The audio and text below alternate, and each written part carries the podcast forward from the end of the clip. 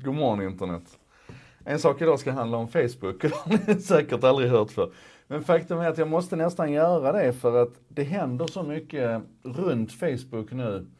Och framförallt händer det så mycket som inte rapporteras. Alltså det rapporteras ju jättemycket i traditionella medier om Facebook. Men det händer så många bra saker som inte rapporteras. Det har varit total radiotystnad hela helgen runt en fantastisk grej som Facebook lanserade i fredags. Och då är det så här, det handlar om politisk annonsering. Och det Facebook har lovat nu det är att de ska ge oss fullständig transparens och insyn i all påverkansannonsering. Och det kommer att finnas massor med utmaningar att skilja påverkansannonsering från vanlig annonsering och så vidare. Men det är ett, ett, ett otroligt steg man tar här nu för att öka transparensen och insynen. Och man gör inte det bara när det gäller påverkansannonsering utan all annonsering. Så om, du, om, om en sida skickar en annons till dig så kommer du att kunna följa den annonsen bakåt, se vilken sida den kom ifrån. Du kommer att kunna se andra annonser som den sidan har publicerat. Om sidan har många följare och stor påverkan så kommer du att kunna så, så, kräver man att det finns verifierade avsändare bakom sidan och när det gäller politiska annonser så kommer man göra sökbara arkiv och sådär. Ett, ett, ett ett steg som, som innebär en, en insyn runt annonsering som vi aldrig någonsin har sett tidigare. Och det är vi inne på det som jag tycker är poängen här och det som jag tycker är viktigt. Det är när vi använder tekniken för att lösa de, de problem eller de utmaningar som tekniken själv har ställt oss inför. Och det här är ju inte specifikt för internet på något enda sätt. Alltså om vi backar tillbaka i tiden hela vägen tillbaka till 1964 så blev det en, en motsvarande skandal runt politisk annonsering eller politisk reklam i TV då som det nu har blivit med politisk annonsering på nätet.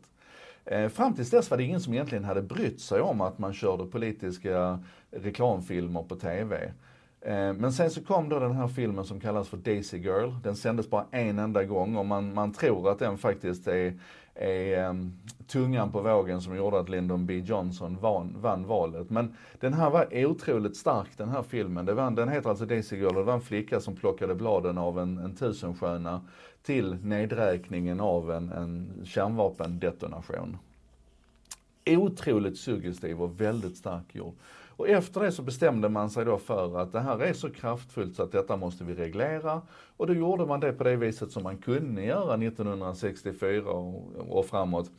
Att man helt enkelt satte upp ett, ett regelverk och viten och, och, man kunde dra det inför domstol och så vidare om man inte följde de reglerna. Man försökte komma så långt man kunde komma på den tiden med transparensen. Nu kan vi ju komma mycket längre och det är det vi ser hända här nu. Vi hade ju en, en lång period med politisk annonsering på Facebook som ingen egentligen brydde sig om. Och brydde vi oss om den så hyllade vi den och tyckte att Obama var alldeles fantastisk när han med hjälp av Facebook lyckades vinna valet.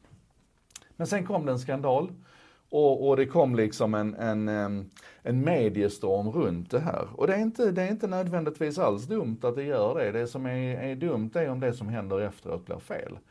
För att att, att reglera ett, ett medie som, som Facebook eller en, en plattform, en värld som internet, det låter sig inte göras lika enkelt som att reglera ett tv-medium. Så det är klart att vi kan ärva de gamla reglerna från tv och printannonsering över till internet.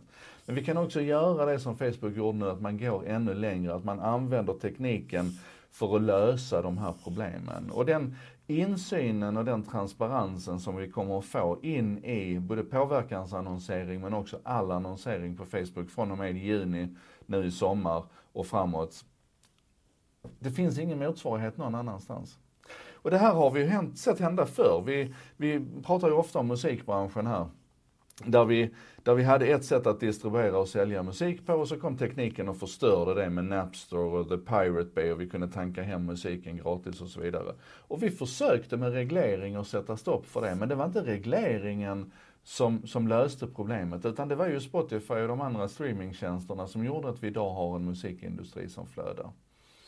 Och det jag vill säga är att vi måste ha den här tanken i huvudet att hela tiden leta efter de här sätten där vi tillåter tekniken att lösa teknikens problem.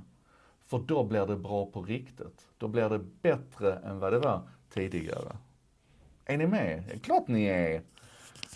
Damn it. Och det värsta nästan det är att det här får ingen uppmärksamhet i traditionella medier. Det var en, en alltså det Facebook berättade i fredags, det borde vi liksom hämta hem här nu och göra till lite självkritik och, och, och, och, skapa lite självinsikt runt hur vi har jobbat med politisk annonsering i andra kanaler. Men det är naturligtvis för jobbet, så det händer inte.